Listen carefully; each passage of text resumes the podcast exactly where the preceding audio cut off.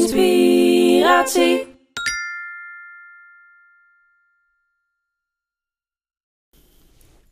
Hallo en welkom bij de Finspiratie podcast, aflevering 7. En ik zit hier vandaag met Jeanette van Kuik, ehm, mijn offici- onofficiële schoonmoeder. en eh, kan jij jezelf verder even voorstellen? Ja, jeetje, mezelf voorstellen. Ik ben eh Jeanette. Ehm, geboren in Kampen, in het mooie Kampen, als oudste dochter van eh, Bert en Jannie Stam. Ehm, in, ehm, even kijken, 2002 werd ik moeder van jouw vriendin. Eh, en dat was de jongste van ons gezin. Ik ben moeder van drie kinderen en eh, heb in, jeetje, dat is weer heel lang geleden, 20 jaar geleden, mijn eigen bedrijf opgestart als kindercoach. Ik werkte eerst in het onderwijs daar voelde ik me niet echt thuis meer in. Dat, dat liep gewoon niet. Het onderwijssysteem paste mij niet. Eh, ik voelde dat ik dingen deed over kinderen terwijl ik graag met kinderen aan de slag wilde. Ik voelde dat ik over hun keuzes en beslissingen maakte die ik graag met hun wilde maken en liever nog dat ze het zelf gingen maken. En ik ben uit het onderwijs gestapt en ik noemde me toen kindercoach. En daarmee ben ik een van de allereerste kindercoaches van Nederland, want het vak bestond toen nog niet. Ja, en toen ben ik heel erg doorgegaan. Een beroepsvereniging opgericht. Nog een beroepsvereniging opgericht. Kwaliteitskeurmerk. Spellen gemaakt. Boeken geschreven. En uiteindelijk zelfs een opleiding kindercoach. En nou, niet uiteindelijk. Ook al vrij vlot in het traject. Eh, er waren nog geen kindercoachopleidingen. En eh, mensen wilden graag weten hoe doe je het, wat doe je. Ik dacht, nou, dat ga ik doorgeven. Dus ik ben echt een van de eerste kindercoaches en pioniers van Nederland. En ook tof, want eh, ik zeg vaker in de podcast dat als mensen zich voorstellen, het is natuurlijk hoe zie jij jezelf? En dat is hoe jij jezelf hier, hier gaat afschilderen. Ja, En het eerste waar jij mee begint is eigenlijk jouw familiesysteem erbij halen. ja, ja. Dat vind ik ook heel mooi als we het eh, natuurlijk verbinden met het thema waar we het over gaan hebben. Mhm. Kun je daar iets over zeggen? Ja, het thema. We hebben het al gehad over. ehm, dat, dat jij in de vorige podcast heb je het heel erg over individuen gehad. En, ja, en niet eh, alleen de vorige, dat was een soort miniserie natuurlijk, Ja, van ja. drie afleveringen. Ja. Ehm, en ehm, ook over jezelf vinden, jezelf kwijtraken. Maar jij bent ook weer onderdeel van een groter systeem. Ehm, wij doen veel met systemisch werk. Ehm, eigenlijk kijken naar hoe ben ik onderdeel van een familiesysteem, van een schoolsysteem, van een wereldsysteem, een stadssysteem. Nou, we bestaan, er zijn ontzettend veel systemen. Er is een geldsysteem, eh, nou ja, noem maar op, belastingssysteem. En ik heb het altijd heel interessant gevonden om te kijken hoe ben ik onderdeel van dat systeem en wat maakt dat ik in zo'n systeem vastzit en hoe kom ik eruit en waarom kom ik er niet uit? Ja, dus eigenlijk, ehm, heel kort gezegd, gaan we het nu in plaats van over het zelf, het individu en de reis van het zelf, gaan we het over de groep hebben. En de Ja. reis van de groep Ja, en eh, de dynamiek binnen de groep. nou ja, en de individu binnen die groep. Ja. Wat maakt dat je doet wat je doet en kiest wat je kiest? Maar voordat we daar naartoe gaan, de vraag die ik iedereen stel. Wat inspireert jou? Ja, ik eh, mag gelukkig de zevende podcast zijn, dus ik heb er al eh, flink wat gehoord van jou. En ik ga iets heel gek zeggen, maar de badkamer, de douche inspireert mij. En dat is misschien heel gek, maar ehm, ik heb het gevoel trouwens Ja. dat deze een beetje begint te zakken. Ik denk dat we hem iets strakker moeten aandraaien, inderdaad. Ik eh, ga hem zo oppakken. Nou, ik hou hem in de gaten en dat gaan we gewoon maar zo doen. Ehm, De douche, de badkamer. ja, als ik onder de douche sta, krijg ik de meest geniale ideeën. En dat is werkelijk waar. Ehm, ik denk dat het hele leven mij inspireert. Ik kan, kan inspiratie halen uit de meest idiote dingen. Eh, ik kan dingen horen, ik kan dingen leren. En uiteindelijk als ik dan onder de douche sta, dan als het ware stroomt het allemaal door mij en van mij. En wordt dat een soort van samengevat. En dan het boek Coachie heb ik onder de douche bedacht. Het coachiespel in bad. Ehm, nou, je- je wilt zo gek niet bedenken. Alles is in die badkamer ontstaan. Maar wat is het dan dat eh, die badkamer jou zo inspireert? Want ik denk dat het iets is dat veel mensen wel herkennen. Dat je onder de douche in één keer geniale ideeën krijgt. Ja. Maar hoe komt het dan na- dat juist dat moment, onder die douche of in het bad, bij zoveel mensen voor die momenten zorgt? Ehm, het lijkt me, vul ik in hoor, maar als ik bij mezelf hou, het is een moment van ontspanning. Maar wat ik net ook al zei, iets glijdt ook van mij af. Dus de dagelijkse ballast, die, die als het ware wast dat van me af, gaat door dat doucheputje naar beneden. Ik ben ontspannen. ik heb even alleen maar tijd voor mezelf, want niemand anders komt in die badkamer. En dan sta ik een soort, heb ik een soort mijmerstandje. Terwijl dat stroomt. En dat stromende water, dat doet iets. Ja. Ik denk ook wel dat het te maken heeft, want je hoort natuurlijk heel vaak dat om echt iets te creëren, om met iets nieuws te komen, dat je naar een volledige verstilling toe moet. Ja. Dat daar de geniale ideeën komen. Ja, En ik denk dat onbewust mensen die die badkamer of eh, de douche of het bad heel erg identificeren met een volledig momentje voor jezelf. ja. Die ontspanning die jou automatisch een beetje brengt bij dat punt van niks. Bij Ja, dit punt van ja. volledige ontspanning. Nou, en, en dat niet alleen. Ik word daar ook door niks of niemand gestoord. Mijn telefoon is niet in de buurt, want die heb ik niet in de badkamer. Weet ik natuurlijk dat weg heb gelegd, maar dat, ik neem hem niet mee.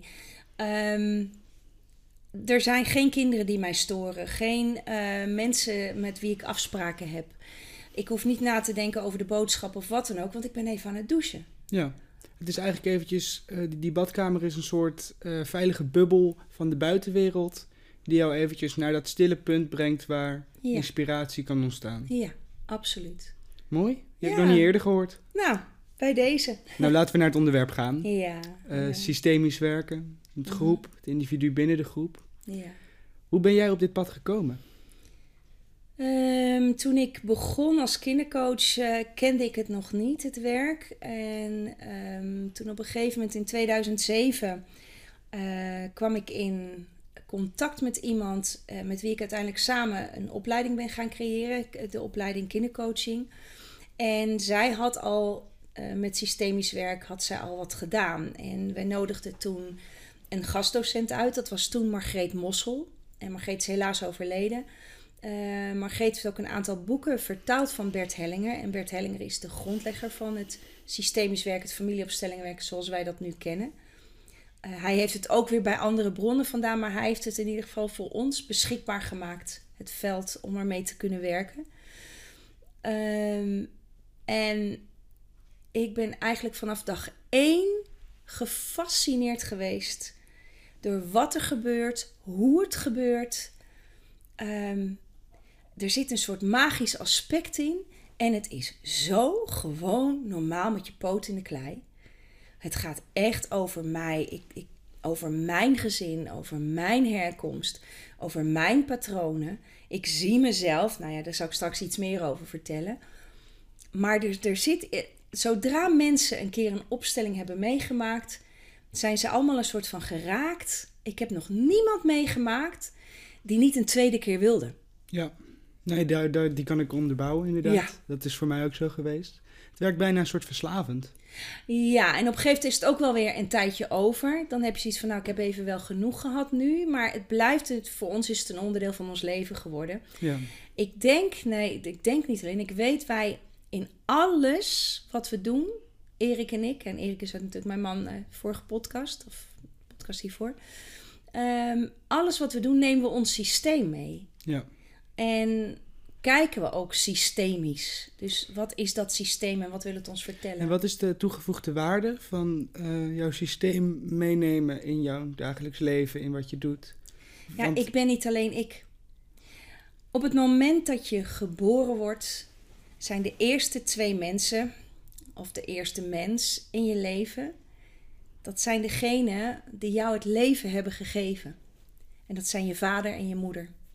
Nou kan het zijn natuurlijk dat jij geboren bent hè, met eh, dat je vader er niet bij is, of dat je bent, ter adoptie bent afgestaan, maar dan zie je ook nog dat er een soort verlangen is om je biologische ouders, je verwekkers, te leren kennen.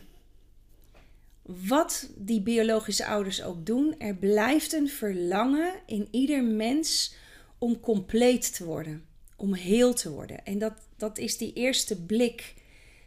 Kijk je in de ogen van je moeder. En Anna Verwaal heeft dat ook al heel mooi uitge, eh, zeg maar uitgewerkt. Eh, die, die heeft heel veel over de geboorte al ontdekt en, en, en uitgewerkt. En de eerste blik die een kind met de moeder heeft, daarin wordt al zoveel informatie uitgewisseld. En dan hebben we het over de geboorte. Gaan we terug naar de zwangerschap, en dat is nog interessanter.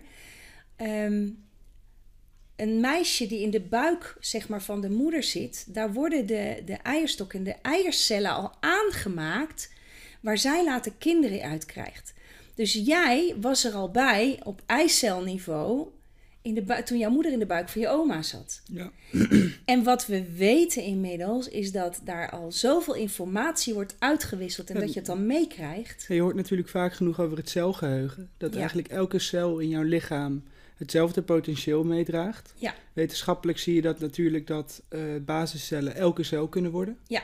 Die kunnen letterlijk weet je, een, een levercel worden tot een oogcel, tot een huidcel. Ja. Precies wat zij nodig hebben. Dus die dragen zelfs op dat niveau al alles van wat jij bent mee. Alle potentieel zit erin. Ja. Dus als die, die ehm, meest pure basiscellen van jou, waar je uiteindelijk helemaal uit gaat vormen, op dat moment al bestaan, dan kan het eigenlijk niet anders dan dat dat invloed op jou heeft. Ja, die informatie neem je mee. Dus, dus je wordt niet blanco geboren. Je wordt al geboren met informatie van je vader en je moeder. Ja, En die informatie die draag je mee. Nou, dan heb je ook nog informatie van de periode dat je moeder zwanger is van jou. In die periode gebeurt er heel veel. En die foetus die krijgt alles mee. Dat sla je op. Nou, stel je moeder heeft, eh, verliest, he- heeft haar vader verloren. In mijn geval, ik was mijn vader verloren ehm, in het jaar voordat eh, mijn oudste zoon Tijmen werd geboren. Dat is een trauma, dat is een verdriet. Eh, mijn vader is maar 51 jaar geworden, dus die is jong overleden. In dat verdriet wist ik niet goed hoe ik dat moest verwerken. En toen werd ik moeder. En toen moest ik mijn eigen moeder gaan vertellen dat ik moeder werd. ja, En mijn moeder, die hoorde dat en die had dat verdriet van... hé, hey, ik word nu alleen oma en er is geen opa bij. En als kind voelde ik dat, maar reken maar dat mijn oudste zoon dit allemaal heeft meegekregen. op celniveau. Op celniveau. Wat is zijn gedrag? Hij wil voor alles en iedereen zorgen. En hoe kan je die verbinden aan? Want ik denk dat ik hem wel een beetje snap. nou, maar- vul hem eens in. Hoe zou jij hem snappen? Nou, je wordt natuurlijk geboren met een bepaald basisverdriet. Dat verdriet zit volledig in jouw eh, systeem. Dus op het moment dat je hier op aarde komt, dan heb je dat verdriet te verwerken. Niet alleen voor jezelf, maar voor je hele systeem. Ja. Dus hoe ga je dat doen? Dan ga je zorgen voor mensen, omdat je niet beter weet dan op celniveau het verdriet ja. op te lossen en te verwerken. Het is zelfs een kindbesluit. De eerste uitwisseling tussen mijn oudste zoon en mij. Daar zal al, en dat weet ik niet, want dat is zijn leven, zijn keuzes. Maar daar zou een scriptbesluit in kunnen zitten. Is mam, ik zorg dat je nooit meer verdrietig bent. Ik Ja. ga voor je zorgen. En dat zien we. We hebben met Tijmen ook opstellingen gedaan. Waarin hij voelde, ik sta midden in ons systeem. Ik zorg voor iedereen. Ja, door dit basistrauma. Door dat basisstuk al. Maar ja. is het dan ook zo dat omdat de oudste zoon dit eh, trauma vanuit het familiesysteem op zich heeft genomen, dat eh, dit ruimte bood aan de andere twee kinderen om dat niet te doen? Zeker. Want iedereen heeft in het systeem een eigen plek. Ik vergelijk dat heel graag met. ehm, eh, dat, dat geef ik in onze opleiding ook weer. Als we kijken naar het oersysteem, het oergezin. Dan stel we zitten hier in, in, in de bush met berenvelletjes en knotsen. En daar zijn een vader en een moeder en noem het drie kinderen. En eh, ieder heeft in dat oersysteem een eigen rol, een eigen plek, een eigen functie. En daardoor draait het, daardoor loopt het. Als er een functie wegvalt, dan komt er een vacature. En in, onmiddellijk, want het systeem wil overleven, Ja. gaat er iemand op die vacature staan. En dus eigenlijk, ehm, ja, vergelijk het eventjes met een bepaalde hiërarchische structuur. Je hebt natuurlijk vader, moeder, eerste kind, tweede kind. Ja, En eigenlijk dus de vader, moeder, eerst, dus hoe hoger de rol is, hoe belangrijker het is dat die wordt ingevuld. Is, Eh, ja en nee. Ehm, wat we zien is, hè, jij zegt het hiërarchisch. Ik hou het graag toch in het platte vlak. ja. Iedere plek heeft zijn eigen taak en zijn eigen Maar functie. toch zie je wel dat als een vader wegvalt, dat die rol op zich wordt genomen. Ja, Ehm, maar als, alles schuift op. Oké, dus je ziet wel dat die eerste plek opgenomen moet worden. Ja, de En dat- laatste plek wordt nooit weer Nee, ingevuld. dat is een beetje ja. wat ik bedoel met de hiërarchische structuur. Ja. Dat het wel echt zo moet zijn dat die eerste plekken worden ingevuld. Ja. En dat is belangrijk voor het overleven van, van dit gezin. En die eerste plek, dat is een hele leuke plek. Dat is als het ware de plek die op de uitkijk staat naar buiten toe. Die kijkt naar buiten, die kijkt de wereld in. En alles wat van buiten naar binnen komt, zal, deze, zal via deze plek gaan. En alles wat van binnen naar buiten gaat, zal via deze plek gaan. Dat betekent dat die plek, de functie van die plek ook voor de kinderen die in het systeem zitten, deze plek geeft tools om te overleven in de jungle. Maar ook veiligheid. Ja, het is bescherming. En als je dan naar buiten gaat, de bescherming is die tools. Dus eh, protect and provide Ja. eigenlijk. Ja. Dus er komt een kind thuis en dat kind zegt: Ik word gepest. Wat doet dan de functie van die eerste plek? Schop van je af, loop maar weg, eh, geef hem maar een knal voor zijn kanus. Dat is de functie, de tools om te overleven in de jungle. Ja. De tweede plek heeft een hele andere functie. Die is meer op binnen gericht, op de zorg, op de bescherming voor, voor de binnenkant. Ook veel meer aandacht voor emotionele stukken. Dus die tweede plek heeft veel meer een zorgfunctie. ja. En die twee plekken samen ondersteunen elkaar. Dus ik geef je tools om te overleven in de jungle. En is er iets gebeurd in die jungle, dan is de tweede plek om jou te helpen om te helen en te herstellen. Red jezelf en ik zorg ervoor dat je, als het mis is gegaan, dat we je weer oplappen, zodat je weer heel wordt. Ehm, Dan heb je natuurlijk nog de rollen van de kinderen. ja. Maar ik wil eigenlijk eerst even terug naar wat de basisvraag was. Want dat Ja. was natuurlijk... ehm, wat heeft het voor toegevoegde waarde in jouw leven om dit hele systeem mee te nemen? Want je ziet nu heel duidelijk dat er op heel veel niveaus invloed is. In dit geval hebben we het familiesysteem als voorbeeld gepakt. Hoe jij wordt gevormd uit de groep. Maar de vraag blijft wel, wat is de toegevoegde waarde hiervan? Ja, ehm, op heel veel vlakken. Ehm, ja, ik zoek nu, want er zijn zoveel systemen. Ehm, en als- Laten we hem dan even betrekken op het familiesysteem nu. Ja, ja. En, en jouw vraag is eigenlijk: wat is de toegevoegde waarde voor mij Ja. van het familiesysteem? Daardoor begrijp ik dingen veel beter en kan ik ze anders aanvliegen. Als ik begrijp waarom in dit geval mijn oudste zoon doet wat hij doet, kan ik hem anders begeleiden en kan ik hem ook anders supporten. Ja. In mijn tweede rol als hè, ik zit op de tweede plek, ik ben de moederrol. Ehm, ik begrijp keuzes van hem beter. Ik begrijp besluiten. Ik hoef hem niet te veroordelen. Ik kan zien wat er werkelijk is. En dat is zo fijn in onze relatie om dat mm, ja, te kunnen zien, maar ook daarnaar te kunnen handelen. En ik kan ook mijn eigen pijn zien en dan bijvoorbeeld van, hé, waarom loopt iets nou niet? Op het moment dat ik mijn familiesysteem erbij betrek, krijg ik meer informatie en heb ik opnieuw een keus. Want ik denk wel dat het belangrijk is om dit ook duidelijk te maken. Want ik heb natuurlijk mogen ervaren hoe eh, fijn het is om hiermee te werken. Om Ja. dit overzicht te krijgen. En inderdaad, het is ook bijna zelfstudie. Je gaat jezelf beter begrijpen. Je gaat begrijpen hoe jij gevormd bent. Waar Ja. je vandaan komt.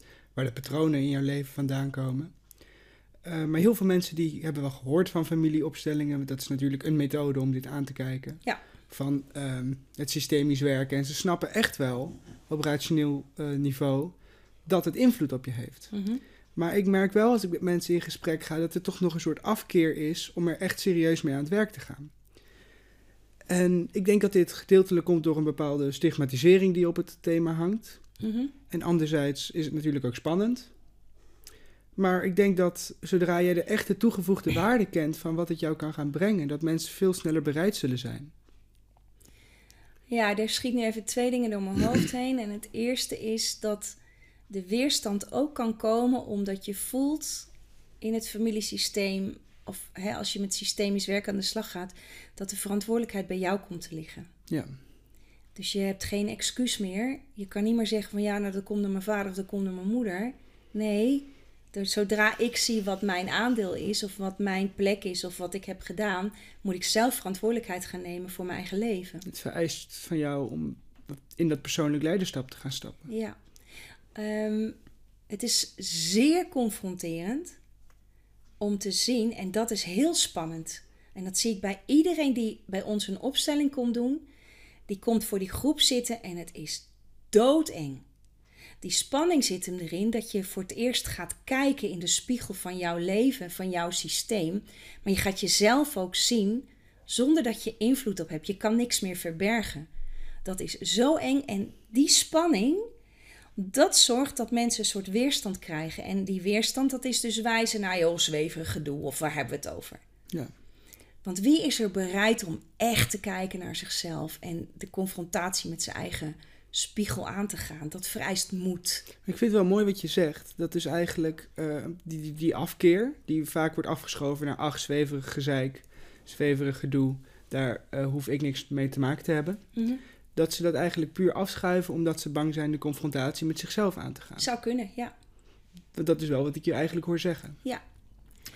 Er is nog een tweede groep um, waar ik kennis mee heb gemaakt. En dat heeft heel erg te maken met het uh, systeem van het kerkelijk systeem, het christendom. Um, het wordt heel erg als occultisme weggezet. Okay. Uh, omdat we iets doen wat niet grijpbaar is, niet tastbaar is. Nee, en ik merk inderdaad ook dat er veel mensen zijn die daar een bepaalde weerstand naar hebben. Ja. Want het is vaak moeilijk uit te leggen hoe het precies werkt. Ja. En zodra het niet concreet is, stap 1, stap 2, stap 3, uh, zodra je het niet kan vastpakken, dan, um, ja, dan worden bijvoorbeeld ook geloofssystemen actief. Uh, in mij ook net zo goed. Uh, ik heb ooit geleerd dat, dus dat mag niet, want. Dus er komen bepaalde dogma's dan uh, tevoorschijn. Dus het vereist echt moed om het veld open te betreden, dit werk te gaan doen, althans mee te, mee te gaan in dit werk, voor jezelf. Want je komt jezelf op heel veel lagen tegen. Ja. ja. En misschien leuk om hem even gewoon zo concreet mogelijk te gaan maken. Wat is nou dat systemisch werken? Wat zijn de familieopstellingen? Ja. Um, misschien kun je mooi beginnen bij waar het is ontstaan. Uh... Ja, dat, dat wat ik weet, uh, het komt uit diverse bronnen. Uh, maar Bert Hellinger is de, de grondlegger van het familiesystemisch werk zoals we dat nu kennen. En hij heeft als, en ik vertel het ook maar van horen zeggen, hè, van, hij heeft als, um, hoe noem je dat, pastoor gewerkt bij natuurvolkeren. Ja. En in de natuurvolkeren is het heel normaal om de voorouders te betrekken als er een probleem is. Die worden altijd opgeroepen, worden erbij gehaald. Wat ik begrepen heb is dat hij onder de indruk was van de heling van de stam bij issues die best diepgaand waren. Ja, ik hoor, heb je ook wel eens horen zeggen dat hij erachter kwam hoe weinig trauma's er eigenlijk heersten Ja. in die natuurvolkeren. Ja, En dat Omdat- dat ook zijn motivatie is geweest om dit, dit werk te gaan creëren. absoluut. Dus het gek klinken, oproepen van de voorouders. En dit, dit maakt het meteen weer een soort van. Maar het, eigenlijk, het, het, anders gezegd, is het eigenlijk het zien van je voorouders. En ze erkennen in wie ze zijn en wat ze hebben gedaan. Maakt dat jouw, jouw perspectief breder wordt. Ja. Je staat eigenlijk open voor ehm, wat de patronen zijn die in jouw familie, familiesysteem zijn. En op het moment dat je daar eh, naar wil kijken, je bent bereid om ze eh, te onderkennen, te erkennen, Mhm. Dan maakt het natuurlijk ook wat los. Want op energetisch niveau zitten die patronen natuurlijk al generaties vast. Ja. Want ook wat ik, wat ik heel vaak heb ervaren is dat als je ehm, een boek erover leest of je gaat naar een familieopstelling, dan wordt er ook gezegd van je lost dit nu voor de hele generatie op. Omdat het een bepaald patroon is dat hier wordt gestopt. Ja, nou je lost het niet op, maar je, maakt, je brengt beweging. En als iets in beweging komt, komt alles in beweging. Ja. En als jij vaststaat, staat iedereen vast. En als jij beweegt, beweegt iedereen. Zo. En je kan hem natuurlijk ook op twee niveaus bekijken. Mm. Enerzijds, als jij het aankijkt je lost het voor jezelf op, geef je het niet meer door. Dat is heel concreet gezegd. Anderzijds kan je ook eh, kan je gaan kijken naar het energetisch niveau. Ja. Hoe de familiesystemen in Ja. elkaar zitten. Eventjes over het niet meer doorgeven. Ik heb ehm, heel veel ouders die kosten wat kost hun kinderen voor alles willen beschermen. En die willen al die trauma's zelf oplossen, zodat hun kinderen vrij zijn om te gaan. En dat is een sprookje. Maar als jij zo bewust bezig bent met het niet doorgeven van je patronen, zijn ze dan wel opgelost? En dan bedoel ik niet het opgelost. Ja, maar dat is een nieuw patroon. Oké, het is wel echt een ander patroon. Ja, als ik zeg ik wil niet meer mijn, ik wil mijn patronen niet, door, niet doorgeven, ben ik bezig met een nieuw gecreëerd patroon. Namelijk Ja. het niet doorgeven van patronen. Ehm, het is meer dat als ik ruimte heb en merk wat ik in mijn leven aan ruimte krijg door zo systemisch te kijken en dat letterlijk is het de liefde gaat weer stromen Lekker zweverig, maar als ik kan erkennen dat mijn oude, weet je, als ik in, in mijn vader blijf beschuldigen van het feit dat hij me nooit zag, bladibladibla, weet je dat, dan blijf ik vastzitten in dat stuk. Op het moment dat ik kan buigen voor mijn vader, buigen is een systemische ehm, tool, laat ik het maar zo het zeggen. erkennen eigenlijk Het- van. ah, dat is zo helend.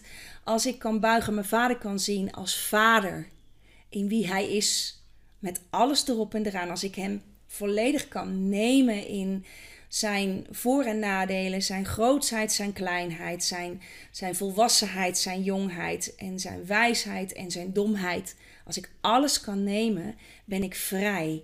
Maar die vrijheid geef ik weer door aan mijn kinderen. Ja. Maar zij hebben hun eigen issues en hun eigen thema's uit te werken. ja, wat ik ook wel mooi vind aan dat stukje erkennen en die buiging maken. Wat, veel mensen, wat ik veel mensen zie doen, is dat ze zich eigenlijk eh, dat ze een negatief oordeel hebben over het systeem. Van mijn vader heeft dit gedaan, mijn moeder heeft dit gedaan. Ja, En dat hebben ze op mij doorgegeven, dat is slecht. ja, Maar je gaat het niet kunnen veranderen wat ze hebben gedaan. nee. En door, die, eh, ne- door dat negatieve oordeel verbind je jezelf nog steeds met het patroon. Ja, Met wat er is gebeurd, ja, met de keuzes die je ouders hebben gemaakt. ja, En door die verbinding eh, raak je die vrijheid kwijt. Ja. Dan verbind je jezelf letterlijk met het patroon dat jij dus als negatief bestempelt. Als je het echt zo slecht vindt, dan moet je het erkennen, zodat je jezelf er los van kan maken. En wat is slecht? Ja, dat is een heel ander onderwerp natuurlijk. Ja, maar weet je, ook dat is, zodra ik een oordeel heb, ben ik in verbinding en ben ik, zit ik Ja. vast. Dat, dat is 100% waar. Dus het zien van wat is, betekent dat ik alles neem. Zonder oordeel. Zonder oordeel. En dan stroomt de liefde weer. En ook dat ik mijn plek inneem die van mij is. Ja, en dan komen we weer mooi op die plekken terug. Mhm. Want we hebben nu de, de, de eerste en de tweede plek gehad. De vader en de moeder. Ja. En hoe zit het met die kinderen dan? Ja, ehm, het mooiste voorbeeld wat ik kan geven is, stel, hè, we hebben die, die eerste plek, zei ik al, dat is die drempelplek. Er zijn ook vrouwen die die plek innemen, die Ja. geven dan tools mee om te overleven in de jungle. En vaders die die tweede plek innemen, die zijn dan veel zorgzamer. Dat kan in het familiesysteem zo zijn. Dat is wel een verwisseling en ook soms een verwarring voor kinderen omdat we met het oerweten geboren worden. En ook fysiek de man die eerste plek eigenlijk beter kan innemen en de vrouw de tweede. Maar goed, er zijn diverse verwarringen op. Of verstrikkingen, zoals dat dan heet. Ehm, maar stel nu dat, dat de vaderplek, eh, dat vader er niet is en moeder er niet is. En er komt een gevaar voor het systeem. Dan is de oudste kind de eerste die dan opstaat. Dus de, de volgende plek, de derde plek, is voor de oudste kind. Maar dat betekent ook dat stel dat dat een miskraam is, dat dat de derde plek is. Dus dan is het tweede kind, dus het eerste kind dat daadwerkelijk wordt geboren, wordt geboren op de tweede plek. Op de vierde plek dus. Ja, ja. Papa, mama, eerste kind, miskraam, tweede kind, geboren. Dus ongeacht of het een abortus of een miskraam is, dat, dat maakt dus niet uit. Nee, in het systeem ben jij op die plek waar jij geboren had moeten zijn, of wanneer je bent geboren, hè, dat kan een miskraam, is ook een geboorte, alleen het leeft dan niet meer. Ehm, dat blijft de, de eerste plek innemen. En kan je dat uitleggen hoe dat zo werkt? Of is dat iets dat we eerder gewoon hebben ondervonden dat het zo werkt? Nou, eigenlijk is het zo dat Bert Hellinger dit in alle, hij is over de hele wereld heeft hij opstellingen gedaan. Inmiddels doen heel veel mensen opstellingen en dit komt steeds weer naar voren als zijnde een natuurlijke wetmatigheid. Het mooie aan Bert Hellinger vind ik wel dat hij zegt, maar blijf te allen tijden alert, want voor dit systeem kunnen andere wetten gelden. Dus Ja. neem nooit iets voor waar aan. Check altijd of het klopt. Dus er zijn wel bepaalde wetmatigheden, Ja. maar er kunnen ook uitzonderingen bestaan. Zeker. Dus over het algemeen kan, is het dan zo dat, stel een moeder die staat op de eerste plek, dus dat is een bepaalde eh, verstrengeling of een verwarring ja. Ja. voor de kinderen. Ja, het zijn vaak de vrouwen die de broek aan hebben in een huis. Hè? Het is wel een herkenbaar stuk. Maar het hoeft dus niet altijd zo te zijn dat daar een verstrikking, door is. Nee, het systeem is dan zo. En het kan zelfs zijn dat beide systemen, dus de, de, de, de opa's en de oma's, ook al zo verwisseld waren. Dus dat het voor dat systeem werkt. Ja, Ehm, het is altijd wel zo dat in de opstellingen die ik heb mogen doen, zodra papa weer op zijn goede plek, goede plek, op die eerste plek staat en mama op de tweede, komt er wel rust. Ik zie toch vaak dat als een moeder op de eerste plek staat, dat hij het gevoel heeft: ik moet alles alleen doen, ik moet alle ballen in de lucht houden, ik moet ook nog voor de kinderen zorgen. En die vader is er maar niet. Ik heb geen drie, maar vier kinderen. Dat zijn toch wel altijd zinnen die ik ontzettend vaak hoor. Dus- Maar dan nogmaals, er kunnen uitzonderingen zijn. mooi. Kun je uitleggen wat je doet bij die familieopstellingen? Ja. Nou, we hebben het er natuurlijk wel heel erg over nu. ja. Maar ik denk dat veel mensen ook zoiets hebben van, maar wat zijn dat dan, die opstellingen? Ja.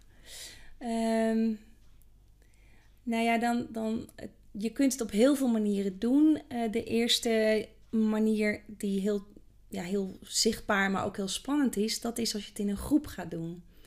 Waarbij er een heleboel mensen in de groep zitten.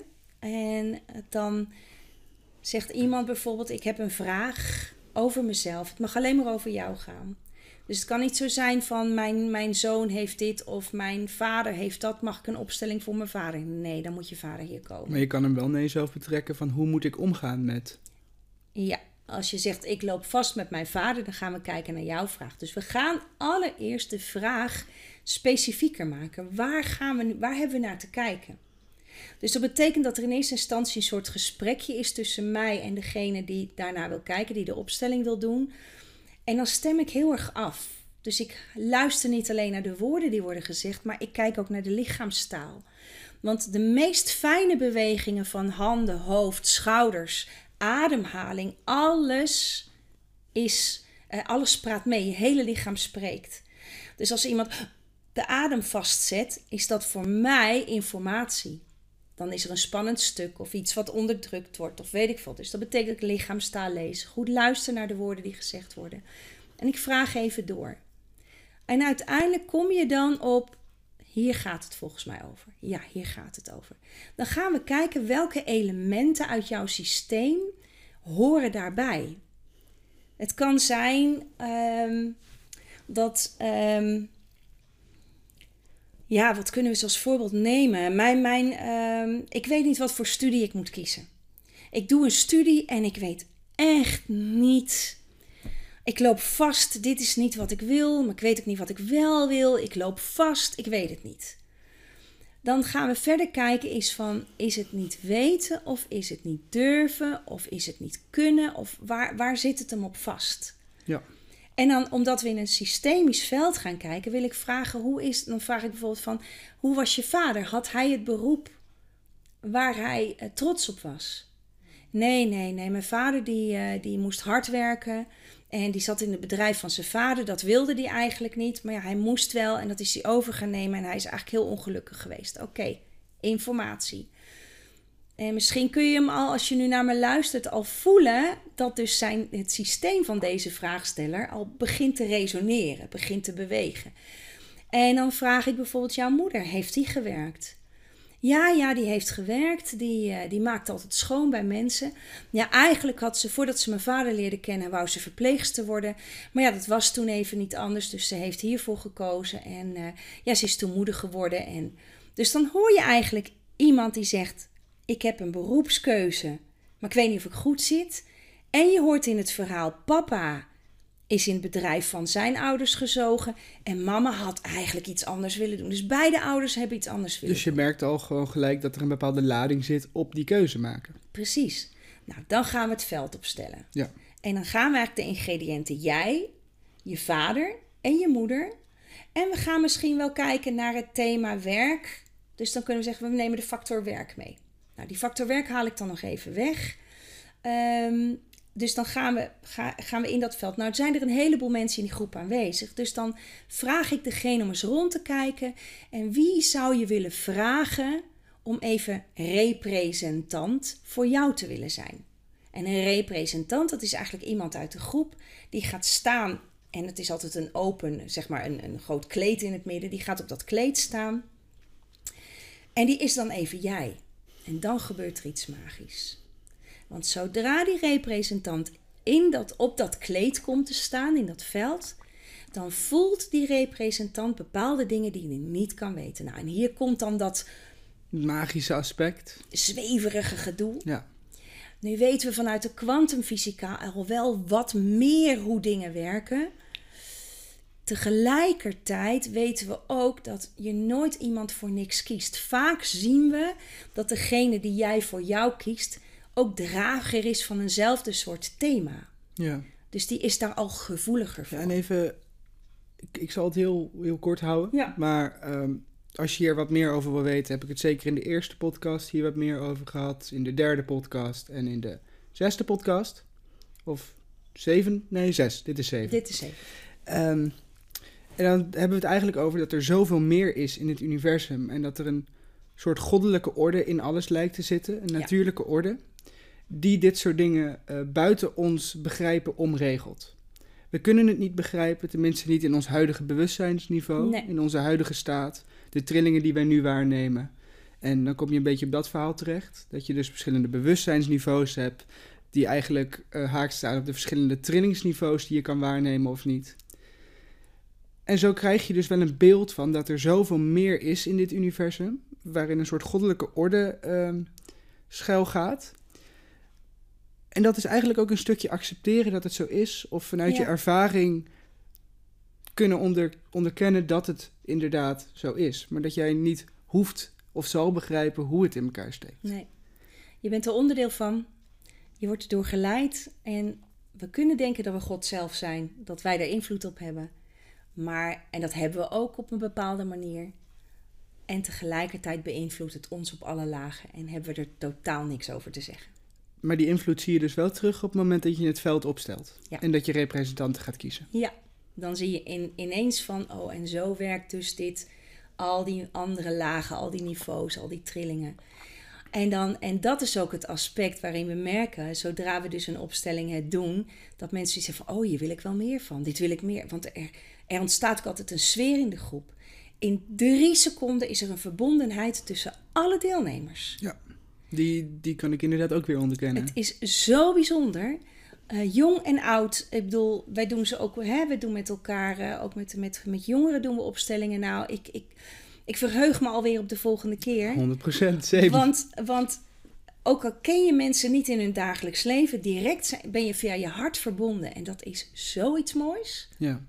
Ja, Maar verder, je hebt dus jouzelf ja dan uitgekozen. gaat die gaat dus op dat veld staan. En dan kies je iemand voor je vader en iemand voor je moeder. En dan ga je naar de zijlijn gaan je kijken naar de film.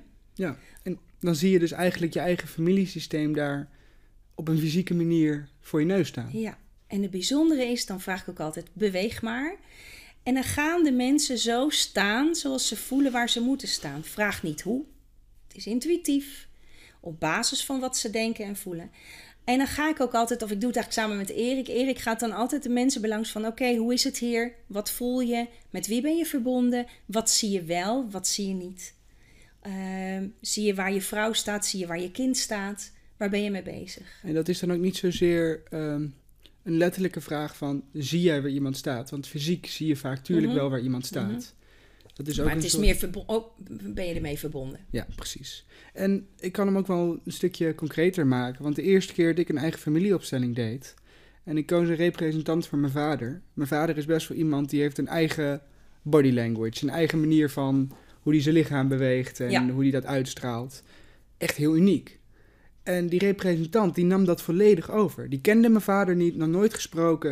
Hij had mij nog nooit eerder gezien voor die dag. Maar het was in één keer alsof mijn vader daar stond. En Ja. dat is echt wel heel bizar Ja, dat is. Je, ja, je kan bijna niet meer gaan ontkennen dat het werkt als er zoiets gebeurt Ja. recht voor je neus. daarbij wil ik wel noemen dat je niet bang hoeft te zijn. Stel, hè, jouw vader werd opgesteld. Jouw vader wist hier niks van, want het gaat over jouw thema. Er wordt niet meer prijs gegeven door het veld dan nodig is voor jouw ontwikkeling. En dat is weer zo'n goddelijke orde, om het maar zo te noemen. Ja, ik denk ook, kijk, voor mij ervaar ik het een beetje alsof wat de opstelling laat zien, uiteindelijk niets meer is dan de ervaring van de persoon die de vraag stelt. Ja. Het is hoe dat persoon het heeft ervaren. Ja. En meer hoef je ook niet te zien voor de persoon in kwestie zijn ontwikkeling. Nee. Weet je, het kan heel goed zijn dat zijn broertje, zijn moeder, zijn vader het systeem anders ervaart. Omdat ze een andere plek in het systeem hebben. Dus vanuit een hele ander perspectief. En met andere thema's verbonden zijn. Ja. Dus je hoeft inderdaad, wat jij zegt, niet bang te zijn dat je in iemand anders zijn ontwikkeling gaat stappen, dat je iets doet. Want op energetisch niveau is het alleen jouw ervaring die wordt Ja. getoond. En daarom kun je geen opstelling doen voor iemand anders. Nee. Ook al wil je je vader zo graag redden, als je vader een opstelling wil, dan is die aan de beurt. Maar anders moeten we eraf blijven. En dat is zo'n diep respect voor de eigen keuze en de eigen Ja, waardigheid en dat van de is mens. een, een onderdeel in mijn eh, visie van die goddelijke orde. Er zijn er bepaalde natuurwetten. Mhm. En daarin heb ik misschien net een iets andere visie dan eh, nou ja, de gemiddelde ehm, persoon die een heel mechanisch wereldbeeld heeft. Die Ja. gelooft dat alles volgens natuurwetten geregeld wordt. Wat het overgrote merendeel van de maatschappij natuurlijk nog steeds is. Ja, Ik geloof wel dat die natuurwetten bestaan, maar eerder in een soort nat- ja, goddelijke orde. Ja. Ehm, maar dat er dus ook wetten zijn zoals de vrije wil bestaat. En dat is een goddelijke wet die wel eh, invloed heeft, maar ook toont dat er dus invloed is buiten natuurwetten. ja, Want als jij een vrije wil hebt, dan heb je dus een bepaalde invloed op het geheel. ja. En dat maakt dus dat er dus daadwerkelijk wel natuurwetten zijn, maar dat ze niet alrijkend zijn. En nu kom ik even terug op mijn begin. Waarom heb ik ooit gekozen om dat vak kindercoaching, waarom ben ik dat ooit gaan doen? Dat is omdat ik me heel erg bewust werd van die vrije wil. Ja, Als jij niet bewust bent van wie je bent, wat je potentieel is en welke keuzemogelijkheden je hebt, dan kies je altijd voor het, het ego wil de makkelijkste keuze, de comfortzone. Dan heb je eigenlijk zit je in een soort, ehm, ja, ik noem het maar een game waarin je van die happertjes hebt. Je bent gewoon door aan het gaan in, op je automatische piloot. Hoe meer zelfkennis, hoe meer bewustzijn, zelfbewustzijn jij hebt, hoe beter jij in staat bent om jouw vrije wil te manifesteren. ja. Dat is mijn visie, hè? Ja, dat geloof ik ook wel. ik ehm, heb best wel moeite gehad met het thema vrije wil op eh, mijn studie. Mhm. Eh, niet zozeer omdat ik ehm, het een lastig thema vind, maar eerder omdat ik erachter kwam dat ik best wel een, ja, toch wel een afgeronde eh, visie heb op hoe het in elkaar zit. Oh ja. En in één keer moet je dan gaan onderbouwen op een filosofische studie waarom dit zo is. Je krijgt in één keer heel veel andere visies op de vrije wil te horen. Dus ik werd in één keer uitgedaagd om het echt volledig te doordenken. En waar ik eigenlijk op ben gekomen, is dat wij een, daadwerkelijk wel een vrije wil hebben, maar dat die eigenlijk in contact staat, ehm, in, ver- in, in verband staat met onze mate van bewustzijn. Ja. Dus hoe meer bewustzijn we hebben, hoe groter onze vrije wil wordt. Want je krijgt een groter plaatje te zien. Ja, ja. En ik leg hem vaak uit aan de hand van een zaklamp. Weet je, als jij een zaklamp in je handen hebt en neem even als casus dat je verdwaald bent in het bos. En je loopt wel op een paadje. Dus wat ga jij doen als die zaklamp smal is en je kan alleen het paadje belichten?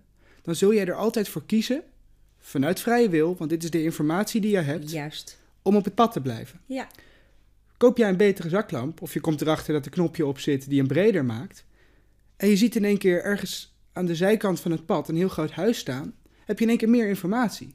Dus je zal ervoor kiezen om naar dat huis te gaan. Dat misschien kan of door te lopen. Je hebt meer keuze. je hebt een vrije wil, maar jij kan in één keer kiezen van... hé, hey, misschien is daar een telefoon aanwezig, Mm. iemand die mij kan helpen. Maar je ziet wel het verschil dat je in één keer meer keuzemogelijkheden krijgt... doordat je jouw bewustzijn, het licht dat jij schijnt op de werkelijkheid, kan verbreden. Absoluut. Pak een andere casus, om hem even zo duidelijk mogelijk te krijgen. Je bent weer in het bos verdwaald en je hebt honger. Je zal er again voor kiezen om op het pad te blijven, want een pad betekent menselijke beschaving, meeste kans op eten. Maar je breidt hem weer uit, die zaklamp, en je ziet een appelboom staan met appels eraan. Vijf meter van het pad af. In één keer zul je ervoor kiezen om van het pad te wijken. Of niet. Maar je hebt wel de keuzemogelijkheden. Ja, exact dat. En ehm, nog mooier maakt het, nu ga ik er een heel lekker zweefteverig aspect aan toevoegen, is dat mijn visie ook is, is dat we allemaal geboren worden. Enerzijds om heel veel te leren in dit leven, anderzijds om te dienen aan het leven. We willen allemaal op de een of andere manier de wereld een beetje mooier achterlaten dan dat we hem hebben gevonden. Ja. Dat zie ik bij kinderen heel sterk, dat is natuurlijk mijn werkterrein Die gaan allemaal zeehondjes redden en die willen allemaal. Weet je, er zit altijd een soort idealisme. Op het moment dat ik meer bewustzijn heb, kan ik ook mijn hart gaan volgen. Als ik minder bewustzijn heb, ga ik veel meer in mijn hoofd leven. Dus hoe, hoe meer ik van mezelf ken, dan ken ik ook meer het leven, begrijp ik het meer. Wordt die zaklampstraal groter, maar kan ik ook veel meer volgen wat mijn hart me influistert of vertelt. En dat is uiteindelijk ook helemaal niet zo zweverig als dat je misschien denkt dat het is. Want ons onderbewustzijn, dit is uh, neurologisch hartstikke bewezen. Mhm. Ehm, ons onderbewustzijn denkt honderdduizend keer sneller dan ons bewuste rationele verstand. Sterker nog, er zijn studies geweest laatst die aantonen dat wij de handeling beslissen voordat wij ook maar iets, uh, kunnen, kunnen van Ja. iets bewust kunnen worden in ons hoofd. Ja. Ja, jouw onderbewustzijn heeft al gekozen wat, hoe jij gaat handelen. Ja, dat heet de power of the heart. Het zit in Ja. je hart, zit die informatie. Of je onderbuik, wat voor Ja. jou comfortabel voelt Mhm. om, het, om het te lokaliseren. Maar Mhm. het komt er wel op neer dat dat verstand wel echt een tool kan zijn die jou kan helpen in bepaalde situaties. Maar over het algemeen is de keus al gemaakt en dan ga je hem beredeneren waarom je die keuze hebt gemaakt. Daar heb ik nog een leuk eh, voorbeeld van. De Heart Math Institute in Amerika. Vraag me even niet waar, ergens. Ehm, die hebben mensen onderzocht, gedurende, ik geloof 30 jaar zelfs. En een van de onderzoeken was dat ze zaten allemaal aan toeters en bellen vast. En er werden ehm, foto's getoond op een beeldscherm. En er werd dus eh, waargenomen hoe zit het met de, de vocht, eh, met de hartslag, met alles, alle, alles wat maar gemeten kon worden, werd gemeten. En opvallend was dat ongeveer een, een aantal seconden of een, een weet ik van, noem maar een aantal seconden, voordat er een hele verschrikkelijke foto kwam, en het waren random foto's, ging de hartslag al naar beneden, ging het lichaam al in overleefstatus. Dus voordat het hoofd de beel- het beeld had gezien, maakte het lichaam zich al klaar. Sterker nog, niet eens voordat het hoofd het beeld had gezien, voordat het beeld in het fysieke veld aanwezig was. Klopt. Dus Het was en dat dus, dus dat en dat noem ik de power of the heart. Daar is ook echt een documentaire over gemaakt. Ehm, dus er is iets in ons hartfrequentie die al weet waar ons hoofd nog helemaal geen weet van heeft. ja, En dat is mooi, want dat hart weet het alleen. Ja, met de komst van de stropdas en het corset is hoofd van hart gescheiden. Eh, is het hoofd belangrijker geworden en die is op de troon gezet als het belangrijkste. Kennis is macht. Terwijl ons hart de wijsheid is, dat is kracht. ja, en ik vond het heel mooi hoe David dit verwoordde in de vorige podcast. Mhm. Ik weet niet of ik hem woord voor woord perfect eh, quote, maar hij zei iets in de trant van... Hetgeen waarvan jij dacht dat het altijd de oplossing was voor alles, jouw rationeel verstand. En dit is nam- natuurlijk zeker zo voor mensen die eh, rationeel heel, heel sterk zijn. Eh, dus veel van de wetenschappers, veel van de poli- politici, die natuurlijk niet zonder reden in die functie zitten, omdat Mhm. ze rationeel heel sterk zijn. En zij geloven volledig dat dat oprecht de sleutel is tot alle problemen. Maar als je er in één keer op deze manier naar kijkt, de afgelopen paar minuten van wat wij hebben verteld, dan krijg je in één keer te zien dat rationeel te verklaren is dat het rationele verstand niet de sleutel is. Dat is bijna een eh, hele heftige paradox, maar het is wel, ja, voor mij wel een mooie manier om er ook een beetje luchtigheid in te maken van oké, zelfs mijn rationeel verstand snapt dat het eigenlijk van de troon af moet stappen. ja. En het mag in dienst weer van het hart komen te staan. Ja. Daarmee moeten we niet, want zeg van ik, ik moet mijn hoofd uitschakelen. No way, het heeft heel veel mooie functies. Eh, ik merk dat ik even terug wil naar het groepstuk. Want Ja. daar zijn we mee begonnen. Ik had, zat er ook al aan te denken. Ja, En ik wou hem eigenlijk even koppelen, want je zei op een gegeven moment, eh, redelijk aan het begin, toen we gingen uitleggen waarom het van toegevoegde waarde is, mhm. dat jij op niet alleen jezelf bent, maar ook je systeem bent. juist. En dat vind ik eigenlijk wel een hele interessante, want ik geloof niet helemaal dat jij in essentie, wat jij echt in je pure ware zijn bent, ook jouw omgeving bent. Ik geloof eerder dat jouw persoonlijkheid, jouw ego, jouw avatar hier op aarde, dat is jouw omgeving. Ja. En dit kwam heel ook mooi naar, bo- naar boven weer in de afgelopen podcast. Jij bent niet je systeem, maar je bent het tegelijkertijd wel. Ja. En eh, leg dat nu maar even uit. Ja, dat mag Maar jij inderdaad... eh, Nou, het is meer dat, dat het voeding is geweest.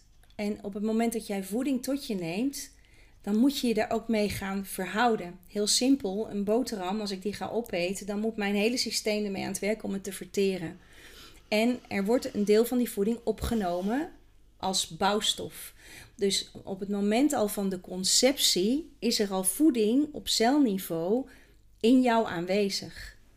De vrije wil maakt wat ik met die voeding ga doen. Hoe bewuster ik me ben, hoe meer ik kan kiezen om mijn eigen keuzes te maken ehm, en die voeding al dan niet te gebruiken.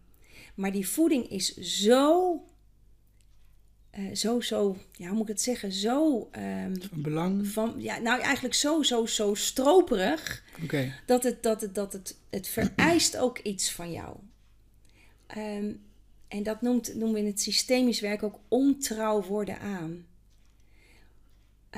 Stel, ik krijg van mijn ouders de boodschap heel simpel: je gaat naar school, je doet wel je best, hè? Stel dat ik dan een dag mijn best niet doe.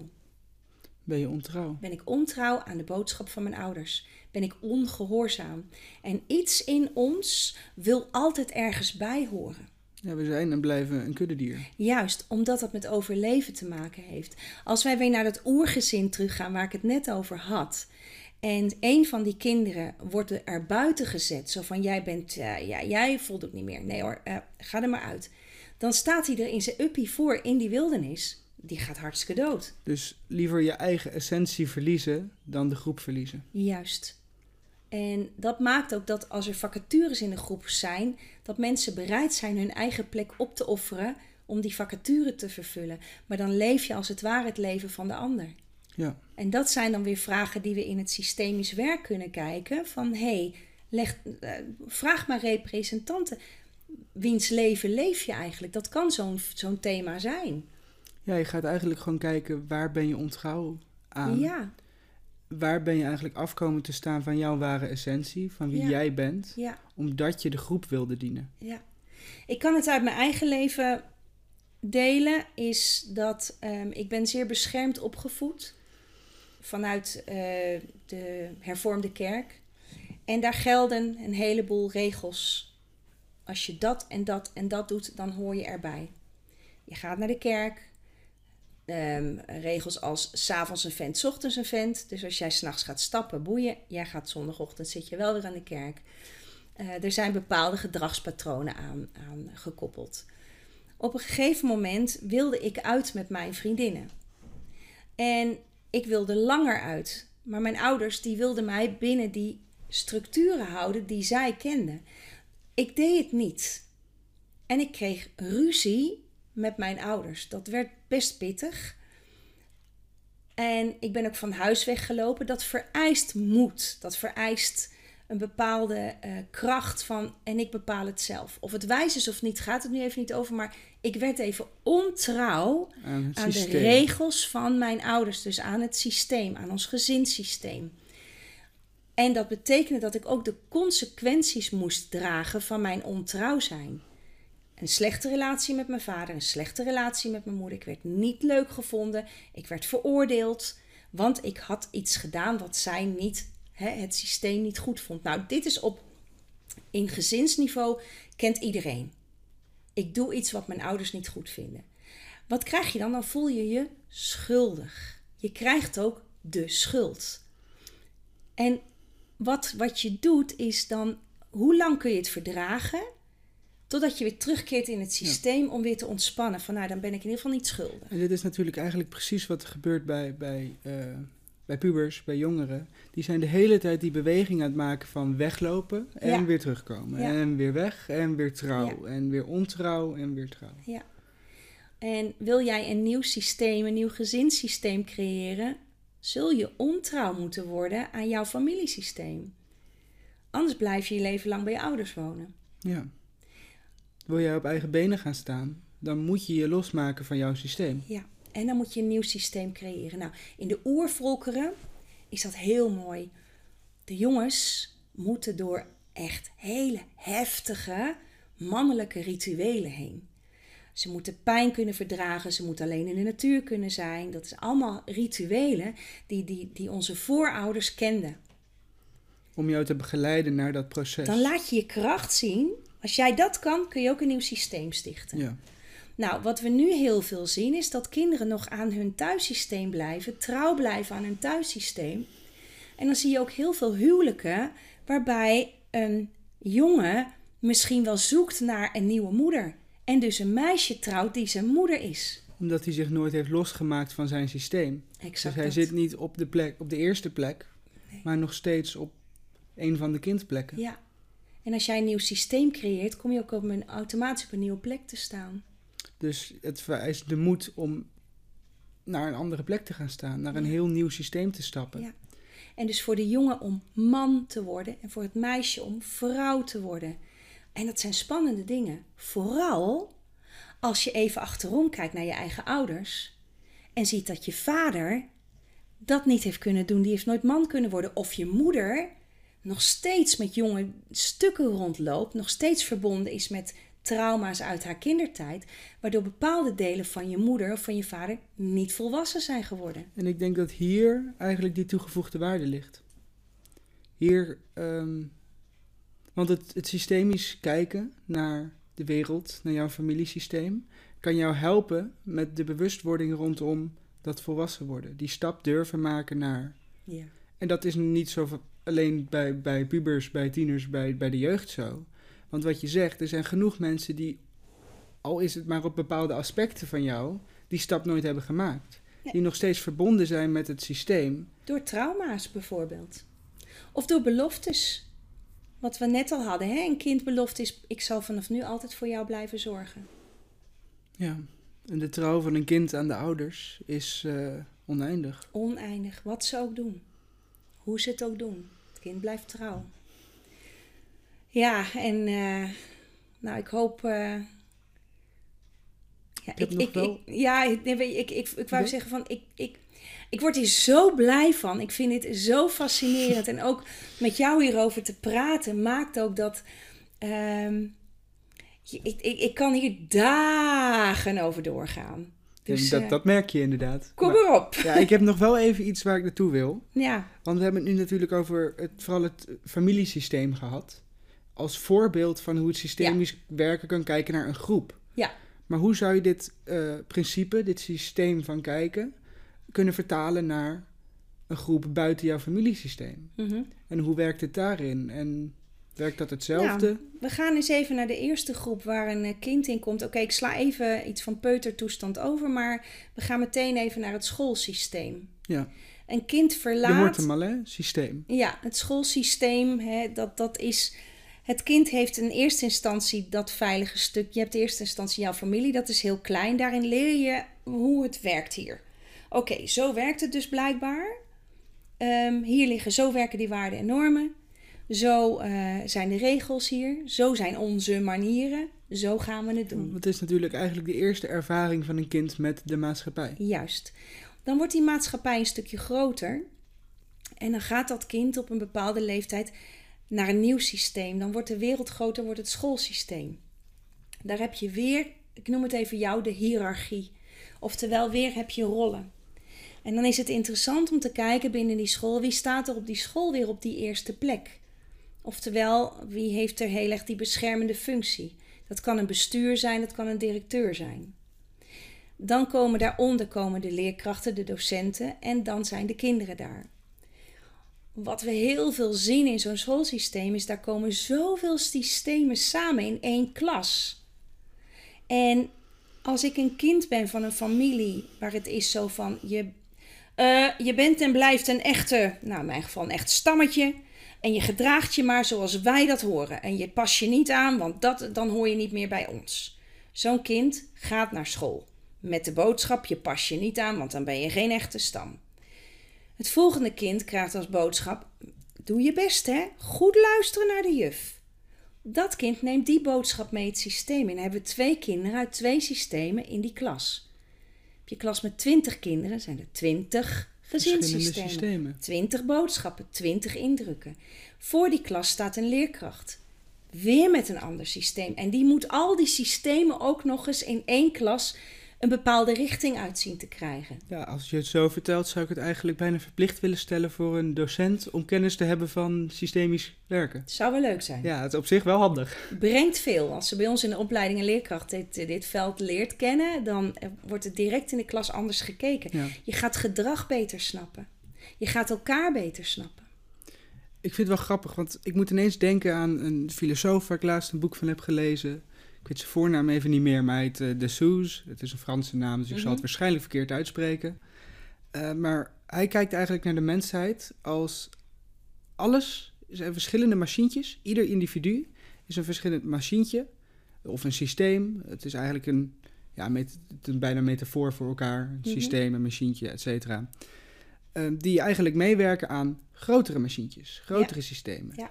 En wat je heel mooi ziet, dus je hebt in, in eerste instantie het systeem van het individu. Dat kan je zien als jouw ziel, jouw hart, jouw ratio, al jouw cellen, al je organen werken samen om jou als individu te vormen. Dat individu, dus dat machientje, is deel van de machine van het gezin. Eh, de machine van het gezin, het systeem van het gezin, is deel van een nog groter systeem, het, het dorp of de buurt. Ja, En zo wordt het systeem eigenlijk groter en groter en groter, totdat je uiteindelijk aankomt bij het misschien wel meest onbegrepen woord van deze tijd, maatschappij. Mhm. Eh, dan in één keer heb je dus die systemen die reiken van het individu naar het gezin, naar de buurt, naar de stad, naar de gemeente, naar het land, naar de maatschappij. En waar stopt dat nou eigenlijk? Hele goede vraag. Hmm. Is de maatschappij die wij hier in Nederland hebben, dus ons systeem, is dat een maatschappij op zich? Of reikt het systeem nog verder en is de maatschappij misschien wel de wereld volledig? En dan gaan we naar het universum. Zoals kinderen dat heel mooi zeggen. Ik woon in Uggelen, zijn we hier nu. In Uggelen, Apeldoorn, Gelderland, Nederland, Europa, de wereld, het universum. Ja, Het wordt steeds groter. En Henk Frans omschrijft het in zijn boek De Bondgenoot ook heel mooi. Heel fijn klein boekje om te lezen. En eh, daarin hij de cellen van je lichaam. Want dat is zo'n zel- hetzelfde systeem, zo binnen, zo buiten. Zo binnen, zo buiten bedoel ik. Eh, is dat hetzelfde principe. ja, En, en als één stukje stopt, heeft dat invloed op alles. precies. Als in ons systeem nu één minister een besluit neemt, heeft dat invloed op niet alleen Nederland, maar op Europa. Op één ehm, eh, president besluit om een ander land binnen te vallen en de hele wereld, het hele universum, overal trilt het mee. Ja, en we kijken dan nu naar familiesystemen, omdat dat denk ik voor de meeste mensen. eh, Het is dichtbij. het is concreet, je kunt het Ja. makkelijk vertalen.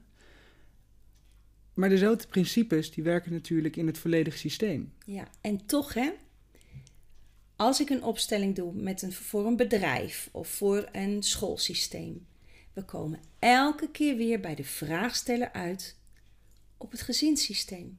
Dat is de basis. Dat is steeds de basis. De basis van waaruit jij naar de andere systemen gaat. Elke keer weer. En als er in die basis bepaalde hiaten zitten, heeft dat invloed op het systeem waar je onderdeel van bent. En als, ehm, als jij dat kunt zien in alles wat er is en kunt nemen in alles wat er is, kun je ook bewegen in zo'n systeem. Ja, en dan kom je uiteindelijk toch weer een beetje uit bij dat mechanistisch wereldbeeld. Dat alles dus wel op elkaar ehm, afgesteld is. Alles is oorzaak-gevolg. Weet je, Mhm, mhm. het ene systeem reageert op het andere systeem, dat reageert weer op het systeem. En die vrije wil, die bepaalt alleen hoe er wordt gereageerd. Dus de wetmatigheid is dat er een reactie plaatsvindt. Ja. Maar het individu kan bepalen hoe te reageren. Ja. En daarin, in die, ehm, in die keuze, kan het systemisch werken jou ondersteunen. Zeker. Hoe moet ik reageren en hoe moet ik omgaan met alle systemen die om mij heen werken? En niet reageren is ook reageren. Hè? Precies. Dus dat is, en dat is weer die keus van wat voel ik nu? In afstemming met mijn hart komen we weer even met dat hart volgen. En welke keuze is voor mij nu? Wat is mijn behoefte? Nou, alleen al dat is, is haast onmogelijk als je niet in verbinding bent met jezelf. Eh, en stel dat mijn vader boos wordt als ik een bepaalde keus maak, zal ik daar weer last van hebben. Dat is weer die invloed. Dus hoe dan ook, blijf je verbonden. Ja, is het dan mogelijk om je eh, echt los te maken ergens van? Dat is de Ehm, eerste vraag die bij mij opkomt. Ja, de vraag is: wat, waarom zou je los willen zijn? Ehm, want het, het is je basis, daaruit ben jij ontstaan. Het is jouw, jouw ontstaansrecht. Erkennen dat het er is, maakt al dat je vrij bent. Ja, maar je bent nog Maar- steeds verbonden, wil Maar je je bent verbonden, dat is verbonden in vrijheid of in vrijheid verbonden. Dat maakt dat je andere keuzes kunt gaan maken. Op het moment dat ik verbonden ben en niet vrij, omdat ik een oordeel heb of nog verwachtingen heb of eh, verwijten heb. Zodra ik een verwijt heb, sta ik boven mijn ouders. Als ik iets van mijn ouders vind, ben ik mijn opa. Ja, Want dat is de taak van opa of van oma. en dan is eigenlijk eh, is het de kunst om te weten wat de juiste manier van handelen is voor jouw rol binnen het systeem. Ja. Want het kan heel goed zijn dat je in het ene systeem heel anders moet handelen Ja. dan in het andere systeem. Ja. Al stel, ik, ik, heb, ik woon op een gegeven moment op mezelf en Mhm, ik ben mijn eigen systeem aan het opzetten. mhm. sta ik daar op een hele andere rol dan dat ik ehm, doe als ik weer op visite ben bij mijn ouders. Ja, sterker nog, als jij bij je ouders bent, heb je een andere rol dan dat je hier bent. Ja. En ik denk dat het. ehm, want je kan heel snel een, een soort link leggen naar van. Ben je dan wat trouw aan jezelf als je overal anders moet handelen? Maar ik denk dat het juist de puurste vorm is van jezelf zijn. Absoluut. Als je weet hoe je je moet opstellen in verschillende situaties. En, en dat is zo mooi, hè, komen we even op het volgende systeem voor het kind, is het schoolsysteem. Daarin leert het kind weer te handelen op een nieuwe plek in een systeem. Het kan zijn dat jij als kind de oudste bent, maar in de klas de jongste. Dat betekent dat je nieuwe vaardigheden meekrijgt, nieuwe, ruim, nieuwe mogelijkheden leert in een andere rol.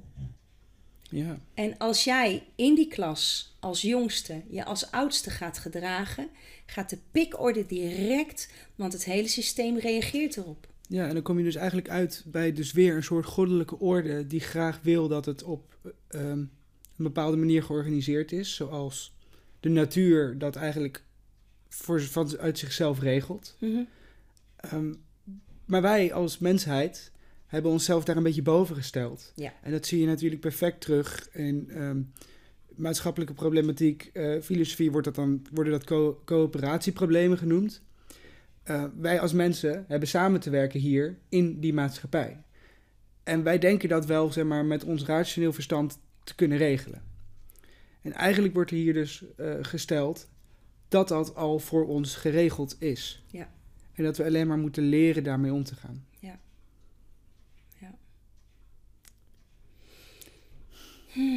Veel Wat? gesproken, hè? Ja, ik ga je een laatste vraag stellen.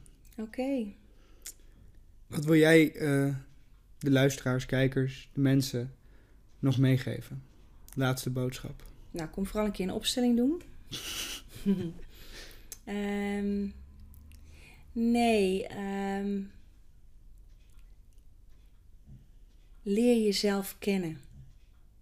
Neem, heb de moed om, om te onderzoeken wat jou, ehm, wat jou drijft, wat jou beweegt, eh, waar je nog aan vastzit.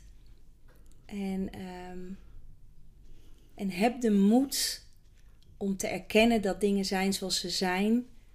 ehm, om daarna in vrijheid, vanuit de verbinding die je hebt, echt te kunnen kiezen door waarom ben ik geboren om te dienen en om door te geven.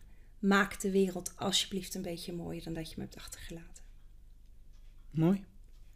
Ken u zelf? Zeker. De oudste filosofische wijsheid vanuit de westerse. Dan. Ja, ken u zelf. Jazeker. En wat is dan dat zelf? Maar daar heb je al helemaal over gehad. Helemaal leuk. Hey, ik eh, wil jou bedanken. Heel graag gedaan. En vast tot een volgende aflevering. Ik eh, sta ervoor open, dat weet je. 100%. Kopje thee? Zeker. hey, eh, voor jullie allemaal, super bedankt voor het kijken, luisteren, waar je de podcast ook hebt gevonden. Heb je nou iets van waarde uit deze aflevering gehaald? Deel hem dan. Zo kunnen meer mensen waarde halen uit de podcast. Kunnen we allemaal onszelf beter leren kennen. hey, wij doen hem eruit en tot de volgende keer. Inspiratie.